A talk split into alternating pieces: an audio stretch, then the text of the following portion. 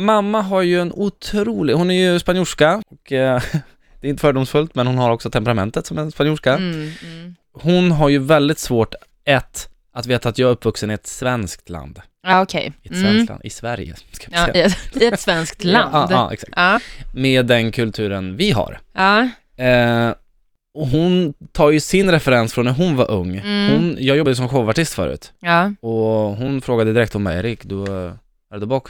Så här. Jag bara, va? Va? Är du bock? Bock. Jag bara, vadå bock?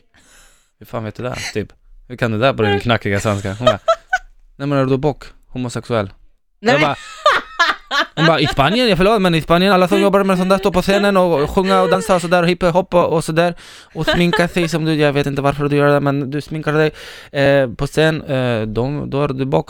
jag bara- Ja fast i Sverige är det inte så, Nej. mamma. Nu har hon faktiskt, hon bara Erik det är okej om du är bock. Jag bara, men mamma jag, jag är inte det. Hon bara, nej men du är över 30, du har inte familj, du är inte Oj. gift. Åh, Skam Dios för mio. Ja. familjen.